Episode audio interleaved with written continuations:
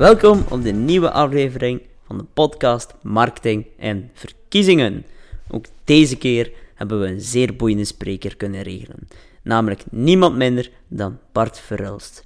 Jullie allemaal gekend als politiek journalist van het VRT-journaal. Voor we starten met de boeiende aflevering, wil ik jullie nog even meedelen dat jullie weer binnenkort kunnen inschrijven voor de online cursus Personal Branding voor Politici. Als jullie daar interesse in hebben, dan mogen jullie mij altijd een mailtje sturen. Dat kan via reinoud.exposure.be Reinoud, R-E-I-N-O-U-T. Dus bij deze, stuur me gerust een mailtje. Ook deze keer kan ik trouwens maar 15 inschrijvingen toelaten vanwege de persoonlijke begeleiding. Oké, na dit streepje reclame, tijd voor de boeiende aflevering. Heel veel inspiratie gewenst. Goedemiddag, meneer Verhulst. Goedemiddag. Fijn dat u ons even te woord wilt staan. Het is ondertussen uh, aflevering nummer uh, eh, 15 van de podcast, of interview 15 van de podcast. Er zijn enkele andere afleveringen ertussen gekomen, maar het is het 15e interview die we doen omtrent marketing en verkiezingen. En uh, ik ben opnieuw zeer vereerd dat we een expert aan het woord kunnen laten. Opnieuw een zeer gekende en ervaren politiek journalist. waarvoor dank. Dat is graag gedaan. Oké, laten we er onmiddellijk invliegen. Uh, Bart, um, de eerste vraag die ik vraag, vaak stel aan politieke journalisten is: hoe hebben jullie de politieke journalistiek zien evolueren dankzij de komst van sociale media? Uh, dat is meteen een, hele moeilijke. Um, ik denk dat dat een beetje um, ja, op kousenvoeten is binnengekomen. In het begin was het zo'n beetje raar van wat, van wat is dat eigenlijk? Uh, vooral dan Twitter, wat toch wel ja, het meest gebruikte medium is uh, qua sociale media, maar dan puur in de in-crowd. Um, waarbij toch wel ja, vrij snel duidelijk was van dit is iets wat je in de gaten moet houden, waar dingen gezegd worden, waar nieuws kan gemaakt worden. En ja, dat is dan altijd maar groter en groter geworden en ja, is een element in het spel geworden natuurlijk. Hè. -hmm. En um, ja, vanuit de journalistiek wordt er vooral gekeken naar eh, Twitter. Ik vind het ook een zeer leuk woord, uh, de in-crowd. Uh, zo werkt Twitter wel een beetje. Het wordt ook wel eens vergeleken met een vol café. Het is zeer moeilijk om als buitenstaander nog binnen te treden in dat vol café. Goh, ja, iedereen kan, kan lid worden van Twitter, of kan mm. zich een account maken. Dus in die zin uh, ja, is het café nooit, nooit vol. Um, maar ja, als je een, een um, vooraanstaande stem wil spelen in het Twitter-debat, ja, dan zijn er natuurlijk al veel gegadigden. Hè. Mm. Um, en ja, moet je zien dat je heel veel volgers hebt, dat je uh, een bepaalde boodschap hebt die, die heel veel mensen aanspreekt. Um, dus in die zin, als je je kop een beetje boven het maaiveld wil steken, ja, dan, dan moet je wel een tandje bijsteken natuurlijk. Ja. Als politicus dan bedoel ik. Ik bedoel, als journalist uh, ja, moet je daar gewoon zijn om de dingen te volgen, denk ik. Wij, wij horen niet echt in discussie te treden met, uh, met politici of met andere journalisten. Allee, dat is toch hoe ik het ervaar en hoe ik het gebruik. Uh, ik gebruik het alleen om nieuws te posten of om vragen te stellen, met als stelregel dat ik daar alleen maar dingen zet of uh, publiceer die ik ook in gewone interviews of in gewone reportages zou zeggen of vertellen of uitspreken. Mhm. En um, stel nu, ja, vooral de gekende politici, die scoren zeker met, uh, met Twitter. Stel van, uh, je bent kandidaat uh, gemeenteraadslid, kandidaat burgemeester bijvoorbeeld, en je moet nog actief worden op, op Twitter. Heeft u enkele tips of zaken waarvan u merkt dat valt wel het vaakst op, ook op Twitter, dat trekt wel vaker mijn aandacht? Zijn het dan vooral de soundbites of eerder de, opmerkelijke quotes, um, de zaken die ja, misschien niet politiek zijn, die dan meer opvallen, of toch eerder gewoon puur het uh, persverhaal doortrekken op Twitter? Oh, ik ben natuurlijk niet echt geplaatst om raad te geven aan politici hoe zij hun boodschap moeten verkopen. Dat moeten ze vooral zelf weten of moeten ze vooral mensen voor inhuren die dat weten. Dat is niet een taak van een journalist om hen daarin wegwijs in te maken. Maar als algemene stelregel kan je denk ik wel stellen ja, dat je moet zorgen dat je opvalt, dat je boodschap eruit springt en dan ga je aandacht trekken. Dat is denk ik een algemene regel Um, hoe dat je dat dan doet, of dat dat is door de manier waarop je de boodschap verwoordt, of hoe je ze verpakt, of ehm, wat de boodschap zelf is, hè, want dat kan ook uh, redelijk kras en straf zijn om de aandacht te trekken, bijvoorbeeld. Ja, dat is, dat is iets waar uh, raadgevers aan de andere kant zich moeten mee bezighouden, ja. zeg maar. Daar ga ik geen uitspraken over doen, maar ik denk als algemene stelregel, uh, ja, zorg dat je opvalt, hè, dat je de aandacht trekt. Um, en ja, dat geldt niet alleen voor Twitter, maar dat geldt even goed voor een gortroog persbericht. Een persbericht dat, uh, dat wervend geschreven is, zal veel meer mijn aandacht trekken dan uh, het zoveelste persbericht in een rij dat in mijn mailbox valt. -hmm. Oké, en uh, waarschijnlijk om daar nog even terug te koppelen ook aan Twitter versus persbericht. Mm, uh, nu heeft Twitter beslist om naar 280 tekens te gaan. Um, is dat per se voor jullie een voordeel? In mijn ogen niet onmiddellijk, maar misschien dat jullie dat anders zien. Um, ja, het is langs de ene kant wel handig dat je iets meer dan 140 tekens uh, hebt. Uh, want 140 ja, is een serieuze beperking. Dan moet je soms al woorden beginnen uh, afhakken of, of, vervangen door één letter. is of is door het gelijkheidsteken bijvoorbeeld. Dat ja, dwingt je wel om creatief te zijn. Um, langs de andere kant, 280 is misschien ook denk ik wat een beetje lang, want dan ga je ja, soms ellenlange teksten krijgen. Um, en ja, er is een, een, spreekwoord dat zegt dat in die beschenking is der Meister. Dus in, in, ja, uh, als je het kort en, en krachtig kan houden, uh, val je misschien ook des te meer op. Dus ik weet niet of die 280 tekens zo per se een zegen is voor de, de gebruikers van, van Twitter. Mm. Want dat is waarschijnlijk ook hetzelfde bij een persbericht. Een persbericht bestaande uit zes pagina's, lange tekst. Die, Leest niemand. Ja, voilà. Uh, een persbericht die gewoon in 1 A4 kan, maximum 1 A4 kan uitleggen waarover het gaat, zal waarschijnlijk meer succes hebben. Ja, absoluut. Een wervende kop, uh, wervend geschreven. Um, en als je echt zes pagina's nodig hebt om je boodschap duidelijk te maken, ja, dan, dan is er denk ik iets mis met je boodschap. ik denk het ook, ja. En um, je hebt even al uh, kort Facebook genoemd. Gebruiken jullie Facebook om nieuws te verzamelen? Of uh, kijken jullie vooral naar de stream op uh, Twitter? Uh, qua politieke verslaggeving eigenlijk minder, tenzij dat je merkt dat het nieuws zich daarop afspeelt. ik geef een voorbeeld. Um, Theo Franken zal wel een naam zijn die vaak terugkomt in, uh, als het gaat over social media en uh, politieke verslaggeving. Uh, maar een van de eerste rellen tussen aanhalingstekens over het sociale media gebruik van Theo Franken speelde zich af op Facebook. Namelijk, hij had daar nog lang voor hij staatssecretaris was iets gepost um, over uh, bepaalde bevolkingsgroepen. En dat is dan naar, terug naar boven gehaald op het moment dat hij staatssecretaris werd. En ja, hij heeft dus eigenlijk zijn excuses moeten aanbieden nog voor de premier zijn regeringverklaring kon, regeerverklaring kon afleggen. Dus daar ja, speelde het feit dat hij dat op Facebook had gepost een bepaalde rol. En dan ga je daar gaan zoeken en zo. Maar ik denk in het algemeen dat, dat Twitter wel meer de bron is voor politieke berichtgeving, voor ja, politici die daar dingen op posten. Het is ook sneller, het is korter, het is krachtiger. Um, Facebook kan langer zijn. Um, dus ja, ik hou meer, eerlijk gezegd, misschien ten onrechte, maar meer Twitter in de gaten dan, dan Facebook bijvoorbeeld. -hmm. Ik denk zelf ook wel, um, goed, van de vragen die ik krijg van politieke partijen, merk ik ook wel dat de, de volgende verkiezingen vooral op Facebook uh, zich zullen afspelen. Uh, het, zal, uh, het gaat heel vaak om ja, targeting. Um, ja, targeting is al, ja, sowieso super belangrijk worden. Maar ik merk dat Twitter niet zo populair meer is onder de meeste politici. Zij die wel al actief zijn op Twitter, die blijven het behouden en zou ik zeker ook aanraden. Maar ik denk dat de volgende verkiezingen absoluut wel op Facebook zullen plaatsvinden. Um, dus misschien is het wel interessanter om uh, ook af en toe dat kanaal uh, te gebruiken. Ik denk dat jullie ja. waarschijnlijk sowieso al uh, regelmatig advertenties op Facebook zien passeren van politieke partijen, aangezien jullie ook in de groep maatschappelijk relevante doelgroep behoren in de categorie van Facebook dan. Um, mm -hmm.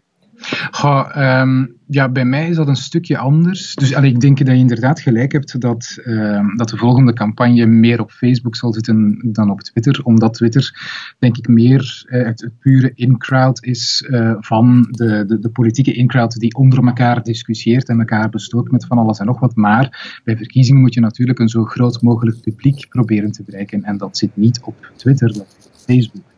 Uh, dus ik denk dat Facebook is naar mijn indruk ook een zachter medium dan, ehm, dan Twitter. Um, om een beetje een vergelijking te maken, um, ik denk dat Facebook eerder het Radio 2-profiel heeft, de, de, grote familie. terwijl dat Twitter toch iets harder, iets kassanter, iets, ja, iets hard heeft. Dus in die zin denk ik inderdaad dat het meer op Facebook, als je echt grote publiek, ik bedoel, mijn moeder bijvoorbeeld zit op Facebook, maar zit niet op Twitter, uh, om maar een voorbeeld te geven. Um, wat de politieke profiling betreft, bij mij is dat een beetje anders in die zin, uh, ik heb een Facebookpagina, maar dat is puur mijn persoonlijke pagina is mijn persoonlijke account, zeg maar. Ik, um, waar dus geen honderden en honderden kijkers en luisteraars in zitten, hoewel ik die verzoeken wel krijg, maar ik blok die allemaal af, omdat ik voor mezelf ja, een stuk nog Facebook, de, plezieren van, de persoonlijke plezieren van Facebook wil, ervaren. Ik heb wel een Facebook-pagina, um, als tussen aanhalingstekens publiek figuur. Ehm, maar daar zitten maar, er zijn maar 260 volgers of zoiets. Omdat ik daar ook weinig moeite voor doe om er meer aan te trekken. Ik zou ook niet weten hoe. Men, vertelt mij hier vanuit de, de, de expert sociale media dat de manier waarop je volk kan aantrekken is publiceren, publiceren, publiceren. Alleen heb ik het een beetje te druk met publiceren in het journaal bijvoorbeeld. En komt dat daar bij mij nog gewoon bij. Ik bedoel, wat ik wel doe, probeer te doen, is via Twitter uh, publiceren. En mijn Facebook-pagina is daar dan wel aan gelinkt, maar eigenlijk doe ik daar op dit moment nog te weinig mee. Mhm. Ik kan wel een goede expert uh, om aan te raden. Ik kan wel een expert aanraden. nee, nee. nee, maar um, wat ik mij ook uh, soms afvraag is, um, hoe gaan jullie journalisten om met, met um, ja, het feit dat politieke partijen nu steeds minder naar de, eerst naar journalisten contacteren en steeds meer hun boodschap eerst op Facebook uh, plaatsen. Is dat voor jullie een uitdaging of net een opportuniteit? Um, het is een gegeven waar we denk ik ja, niet omheen kunnen. Um, langs de ene kant ja, een gegeven waar je moet mee leven, waar je moet, meer moet mee rekening houden dat het zo is. Je moet dat weten. Um, en soms moet je daar ook gewoon durven op wijzen.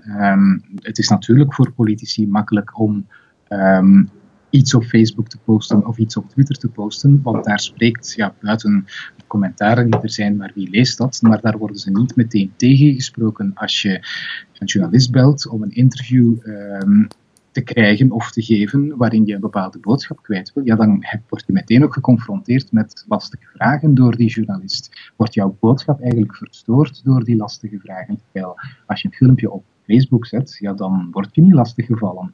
Um, en dat is iets wat wij moeten weten en waar we soms onze kijkers en luisteraars en, en tukkers ook op attent moeten maken. Als bijvoorbeeld een bepaalde politicus wel op Facebook of op Twitter reageert, maar niet um, in het radionieuws of, of op tv-journaal, dat we dat ook aan de kijker en luisteraar moeten zeggen van kijk, we hadden graag nog wat extra vragen gesteld, maar die of die persoon wou geen interview geven. Je moet daar de mensen ook op wijzen van heeft een bepaalde reden, namelijk ze willen niet lastiggevallen worden met vragen. Ja, ja, oké. Interessant. Um, dus uh, voor jullie is ja, het, is, een gegeven, maar het is nu ook niet super. Uh, het maakt het niet makkelijker als, uh, als politiek journalist, omdat je waarschijnlijk uh, ja, minder de boodschap onder controle kan hebben en soms ook meer moet vechten tegen misschien tegenstrijdige communicatie die dan jullie job wat moeilijker maakt.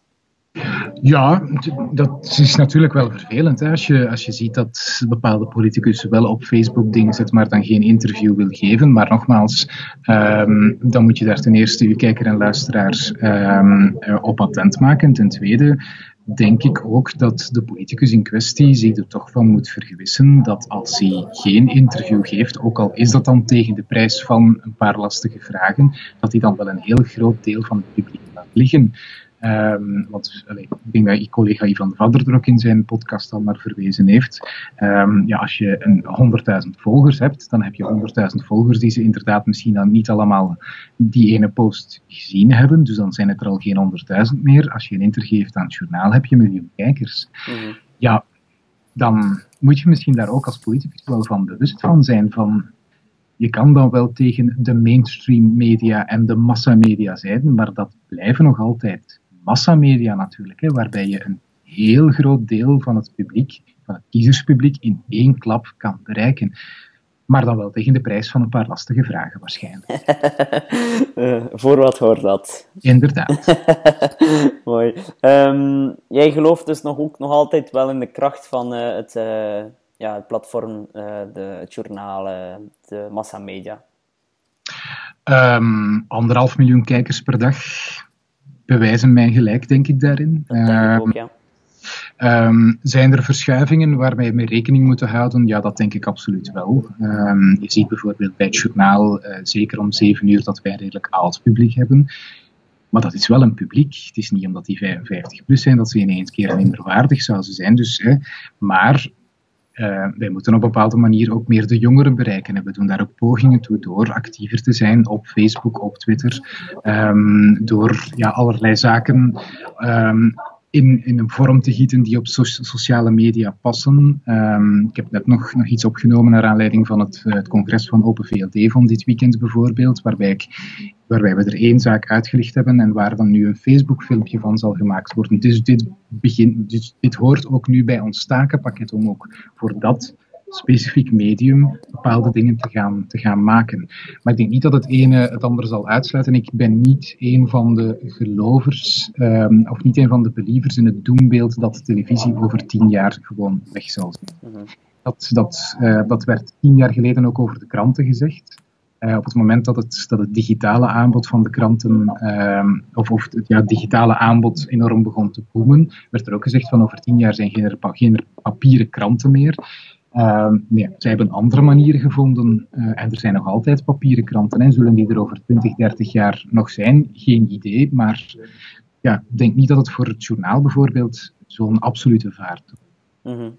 Oké, en uh, wat is volgens jou een van de mm, misschien niet beste Facebook-campagnes die je hebt zien passeren, maar laten we zeggen de meest opvallende Facebook-campagnes of zaken waarvan je denkt van ja, dat vond ik nu zeer goed of misschien zeer slecht? Um, heb je zelf voorbeelden waarvan je denkt van, kijk, dat is mij wel bijgebleven, die Facebook-campagne? Of Twitter kan ook. Mm, hmm, dat is een moeilijke. Ja, ik denk dat uh, eh, NVA is, heel sterk in, in alles wat sociale media uh, aangaat. Hè. Uh, de Healthy-campagne bijvoorbeeld, hè, dat, dat handje wat dan ook in een, uh, in een emoji um, vervat zit. Ja, je ziet dat, dat die partij daar enorm mee bezig is. Um, en dat dat ja, tot wel bepaalde straffe dingen leidt. Um, andere partijen zijn daar iets minder mee bezig of, of beginnen. Uh, ik denk dat elke partij wel, uh, wel goede en slechte campagnes heeft. Ik kan er mij nu, nu geen voor de geest halen, maar ja, je ziet wel dat de partijen daarmee bezig zijn. Ja. En um, wat ik nu wel zelf merk is dat inderdaad de, ja, de nieuwere partijen, tussen aanhalingstekens natuurlijk, er wel meer mee bezig zijn dan eerder de traditionele partijen. Mm dat is wel zeer iets, op, iets opvallend. Bijvoorbeeld, ik zie heel vaak iets passeren van PvdA, ook iets heel vaak passeren van Vlaams Belang. Mm ook van Groenen, ook van N-VA, maar minder van de traditionele partijen. Al is er nu wel meer, uh, meer communicatie van, ook vanuit hen. Is dat, uh, zou dat uh, te kunnen maken hebben met het feit dat bijvoorbeeld die traditionele partijen meer contacten hebben bij de traditionele media? Um, niet noodzakelijk, denk ik. Um, allee, om een voorbeeld te geven, um, iets waar ik, waar, ik waar ik me nu zelf bedenk, is de, de liberalen bijvoorbeeld, op een VLD, waren, was een van de eerste partijen die Twitter ontdekten. In het begin ja. zaten heel veel Open VLD'ers op Twitter. En ja, blijkbaar hebben ze daar op een bepaald moment toch de, de stok moeten doorgeven aan NVA, die daar de, ja, de overhand heeft genomen. Um, maar of de traditionele, of de andere, of die traditionele partijen betere banden hebben met de traditionele media, oh, ik denk dat je dat uh, voor NVA bijvoorbeeld niet kan zeggen. NVA heeft, heeft goede contacten, ook met de traditionele media. Um, voor sommige partijen, bijvoorbeeld eh, PvdA, is het natuurlijk wel moeilijker om bij die traditionele media binnen te raken, omdat wij bepaalde standaarden hanteren.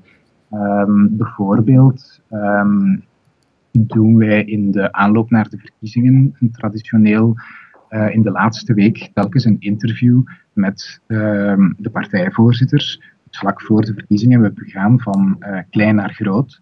Met grootste partij, in dit geval dan Bart Wever, de vrijdag voor de verkiezingen.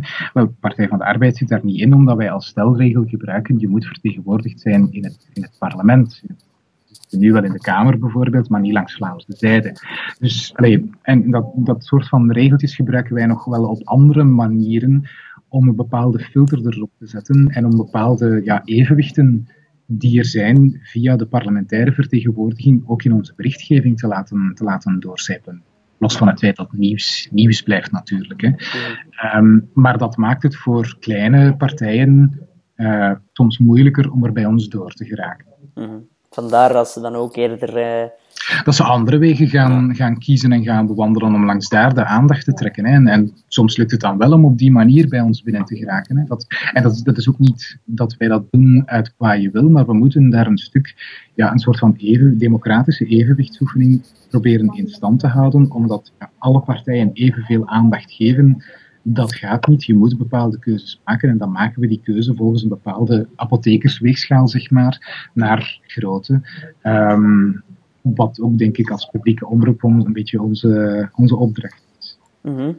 En um, hoe, hoe is, uh, of wat is jouw mening over uh, um, het feit er omtrent het ethische verhaal van Facebook-campagne voeren? dan, ja, dan hebben we het vaak over de dark posts. Um, die niet zichtbaar zijn voor iedereen, maar die, waarbij je wel bepaalde mensen kan targeten, kan uh, gericht aanspreken. Al is Facebook nu wel bezig om dat ook aan te passen, dus dat zou kunnen dat de volgende gemeenteraadsverkiezing dat niet meer mogelijk is. Maar op dit moment is dat wel nog mogelijk. Was uh, jouw mening daarover? Daar ken ik eigenlijk niks van. dus uh, je kan nu um, normaal gezien, als je iets op Facebook plaatst, dan is het zichtbaar voor iedereen. Maar je kan mhm. ook via het advertentiemodel, het targetingmodel van Facebook, gericht mensen aanspreken. Je kan bijvoorbeeld zeggen van, kijk, ik wil alle mensen met een, uh, alle nieuwkomers in Vlaanderen bereiken. Dan kan je mhm. dat op zich wel invoeren. Je kan zelfs zeggen, ik wil alle nieuwkomers uit Colombia bijvoorbeeld. Of ik wil alle mhm. nieuwkomers uit, uit Denemarken of alle nieuwkomers uit Turkije. Dan kan je die gaan targeten, maar dan komt het niet op jouw tijdslijn en krijgt niemand anders het te zien buiten die mensen. Um... Ja, ik denk als dat een tool is die bestaat, um, dat het misschien gewoon het recht is van politieke partijen om daar gebruik van te maken en om zeer gericht communicatie te voeren. Alleen als dat op een bepaald moment ja, een nieuwsfeit wordt. Stel nu bijvoorbeeld dat. Um, nu moet ik oppassen met het voorbeeld dat ik geef. Dat een bepaalde partij, een bepaalde groep, zal het, zal het in het midden laten, een bepaalde groep viseert met haar communicatie. En dat is merkwaardig, omdat net die groep en niet een andere groep geviseerd wordt met die communicatie. En dat wordt een nieuwsfeit, ja, dan moeten we dat brengen. Mhm. Of moeten we, moet daar de aandacht op gevestigd worden van, ja, maar die partij beweert er voor iedereen te zijn, maar focust zich in zijn communicatie vooral daarop. Dat is dan een nieuwsfeit. Ja. Maar dat die partij dat doet, ja, als dat mogelijk is en als dat niet onwettig is, dan zie ik daar ook geen probleem in. Um, ja, we gaan er wel het is, het is wel handig, Het is wel handig om te weten natuurlijk wat die partij tegen een bepaalde groep zegt, om dan te kunnen vergelijken, zegt ze iets anders tegen een andere groep bijvoorbeeld. Ja. Dat moet je dus in de gaten kunnen, kunnen houden, dat wel. Mm -hmm. um, de Volkskrant, uh, als ook de New York Times, zij hebben in hun krant opgeroepen om uh, alle advertenties die je te zien krijgt van politieke partijen, om hen door te sturen. Uh, omdat ze ook wisten als journalist, zeker uh, in Amerika, wij krijgen niet alle berichten te zien van Donald mm -hmm. Trump. Dus uh, moest je toevallig een advertentie zien, stuur het ons door. omdat hij heel vaak over Crooked Hillary naar zijn publiek stuurde. ja. Maar nie, niemand kreeg het te zien ja, van de Democraten. Dat, dat lijkt mij inderdaad een, een, een, vrij zinvolle oproep te zijn, omdat je als journalist ook wel wil weten wat die achterliggende communicatiebeweging precies is. En als je ze inderdaad in je eigen Facebook-profiel niet te zien krijgt, dan moet je hulp van derden gaan, gaan inroepen. En waarom zou je dat dan doen? Net omdat je wilt weten en eventueel moet kunnen doorprikken als een bepaalde politicus iets zegt, dat je kan voor de voeten werpen, ja, maar in die communicatie naar die doelgroep zegt u iets anders. Wat is het nu eigenlijk? Dus je hebt die wel nodig.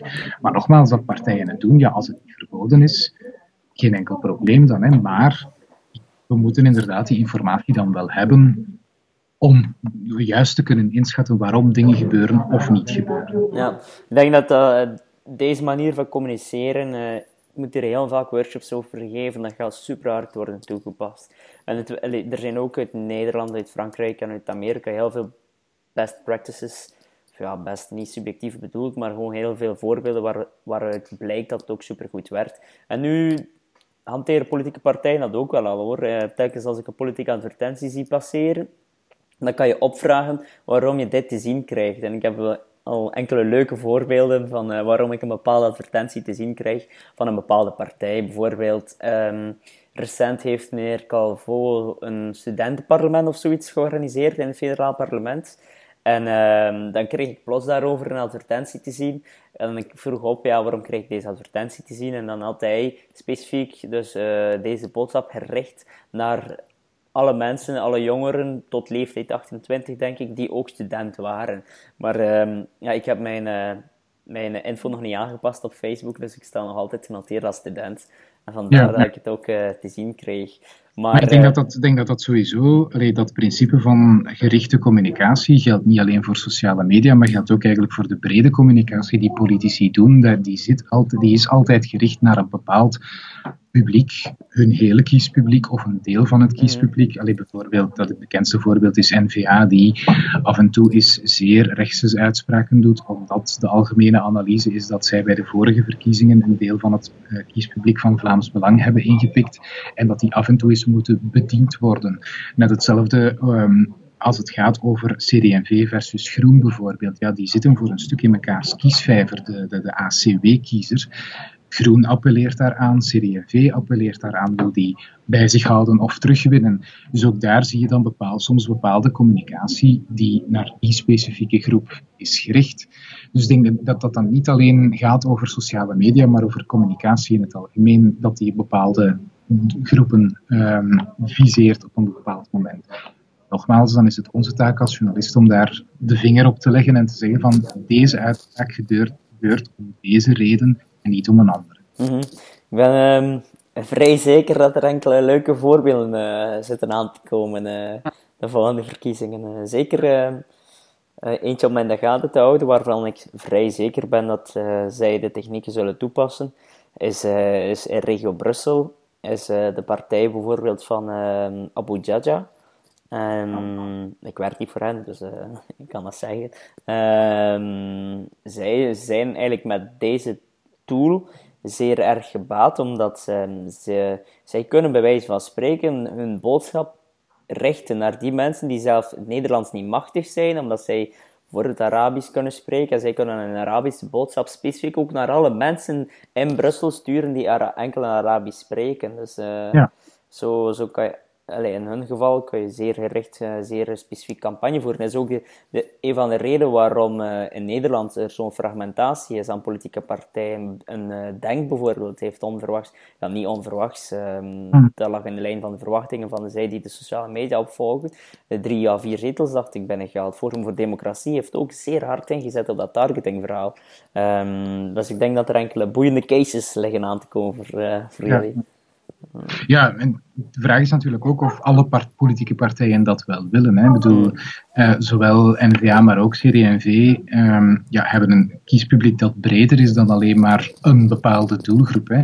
Namelijk die beide partijen claimen om de volkspartij te zijn of te willen blijven of te worden. Ja, dan moet je wel breder gaan dan alleen een bepaalde doelgroep. Hè. Dus ik denk dat bijvoorbeeld die, die partijen dat wel zullen gebruiken, maar niet alleen dat, want ja, anders snij je een, de rest van je kiespubliek ook wel af. Ja, absoluut.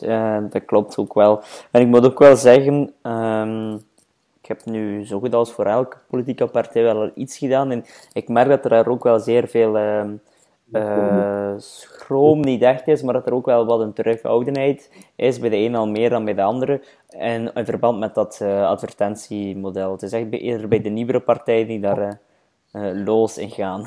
ja, ja, die het ook meer nodig ja, hebben, ja, denk ja, ik dan. Ja, ja, ja. Uh, PvdA is er ook zeer hard op aan het inzetten, merk ik. Mm -hmm. Oké, okay, zeer boeiend. Um, Dan wil ik nog even terugkeren ook op het uh, massa-medium verhaal. Uh, heeft, heeft, u daar nog uh, enkele tips voor, voor bijvoorbeeld politici die zich meer willen showen in de traditionele media? Hoe kunnen zij best een campagne aanpakken om jou bijvoorbeeld te bereiken? Goh, nogmaals, ik ben geen campagneadviseur. dus ik weet niet of de tips van mij moeten komen. Ik denk als algemene stelregel Um, een specialisatie helpt altijd. Um, als je maar ja, een politieke backbencher bent, dan ja, ga je zelden of nooit geïnterviewd worden. Maar als, je, um, als, we, als van jou bekend is dat je een bepaalde specialiteit hebt, een bepaalde specialisatie in de politiek, uh, dus ja, je hebt een aantal functies waar we niet omheen kunnen in de politiek. Je hebt de, de, de, ministers en de vakministers, uh, de partijvoorzitters, de fractieleiders. Dat zijn, ja, uh, dat zijn de personen die het meest aan bod komen. Maar als je als gewoon parlementslid um, vaak of vaker aan bod wil komen, zorg dan dat je een specialisatie hebt. Zorg dan bijvoorbeeld als het nieuws is de minimale dienstverlening bij de spoorwegen. Ja, dan kan ik bij elke partij op dit moment onmiddellijk zeggen van ik moet die en die en die gaan interviewen.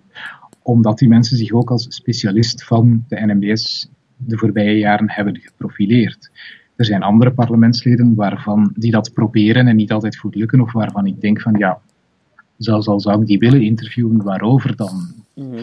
Dus ik specialisatie bijvoorbeeld, en ja, dan een, een heldere manier van communiceren, um, um, zeker, zeker nodig is. Ook een, een gedurfde manier van communiceren. Um, en iets waar, wat ik vaak soms ook tegen politici zeg, ja, als je durft op sociale media, durf dan ook eens voor de camera. Want er zijn bepaalde politici die de grote held uitzangen op sociale media, maar als je dan voor de camera krijgt, dan trillen ze als een espenblad. En dat ja, wij blijven nogmaals een massamedium. Hè? Dus um, ja, dan, dan is het denk ik ook belangrijk dat je ook daar je boodschap goed, goed verkocht uh, krijgt. Dus dat zijn zo'n aantal zaken. Uh, ja, specialiseren, opvallen. Uh, ja, ik heb drie zaakjes opgeschreven. Is een, is, is, ja, specialiseren, een heldere boodschap en een gedurfde boodschap. Ja, absoluut. En dan, uh, dan maak je kans om geïnterviewd te worden. Voilà, voilà. Of door een van mijn collega's. Ja, en ik vind ook uh, die specialisaties, um, er is iets ook wat ik vaak aanraad online, is ja, als je niet specialiseert, um, dan uiteindelijk net hetzelfde als bij u. Ook de mensen die je volgen op Facebook, die zullen uiteindelijk ook niet weten waarvoor jij staat. Dus ook digitaal moet je gewoon gaan specialiseren en eigenlijk altijd herhalen waarover je communiceert of waarover, uh, jij, waarop jij focust. En uh, eigenlijk is het niet anders uh, digitaal.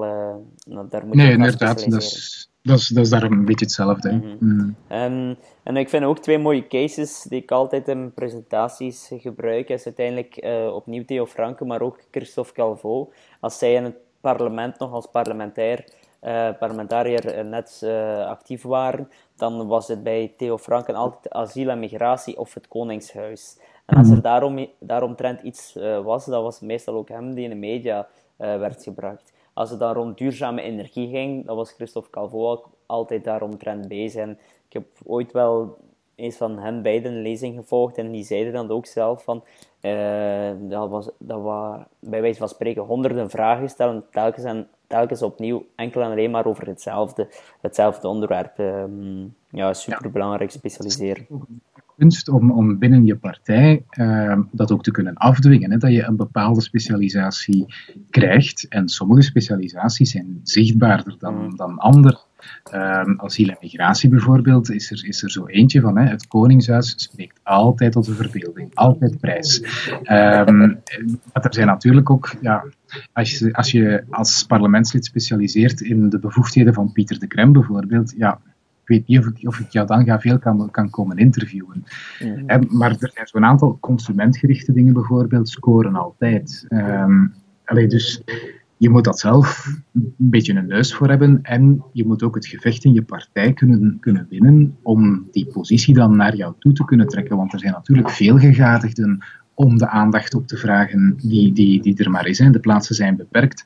Dus ook daar, ja, dat is, dat is een kunst om, om, om dat gevecht in je partij ook te winnen. Mm Kan ik me goed, uh, kan ik me zeker voorstellen. Oké, ehm, ik denk dat we stilaan uh, gaan afronden. Ik heb enkele boeiende tips opgeschreven, uh, die ik dan ook nog in het blogbericht, uh, die ik over, hierover zal schrijven, wel even zal herhalen. En ik eindig graag de podcast ook met een ja, ultra-tip voor de luisteraar.